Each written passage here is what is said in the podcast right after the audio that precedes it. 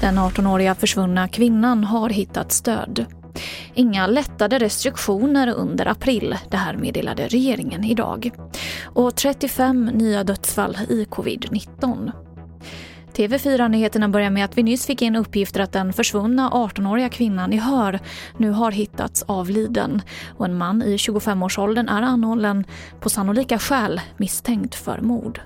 Vi berättar inte utåt vad han har för inställning utan vad vi har koncentrerat oss på det är att eh, första förhören berättar varför han är frihetsberövad. Sen har vi eh, fått besked om att han ska vara anhållen för det har eh, de fortsatta utredningsåtgärderna gett vid handen här att eh, misstankarna har stärkts under eh, förmiddagen och vi behöver nu komma vidare. Han är anhållen, vi kan göra en halvhalt där och fortsätta arbeta på platserna här för att få in så mycket information vi bara kan.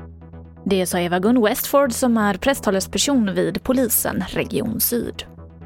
Restriktionerna för gallerior, gym och restauranger förlängs april ut. Det här meddelade regeringen under en pressträff idag.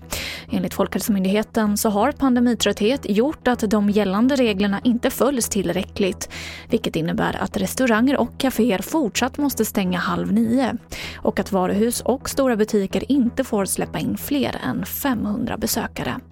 Och så här sa statsminister Stefan Löfven under pressträffen för en liten stund sedan. Budskapet är detsamma. Håll i, håll ut. Läget är allvarligt och jag vill återigen be om en rejäl kraftansträngning. 35 nya dödsfall har rapporterats in i covid-19 och totalt har nu 13 465 personer avlidit av sjukdomen i Sverige. Detta enligt Folkhälsomyndighetens senaste siffror. Och så kan jag berätta att skövlingen av världens regnskog ökade under förra året. Sammanlagt försvann en yta lika stor som hela Nederländerna under 2020. Och som tidigare så står Brasilien för en stor del av skövlingen enligt en ny rapport från organisationen Global Forest. Och det var det senaste från TV4 Nyheterna. Jag heter Emily Olsson.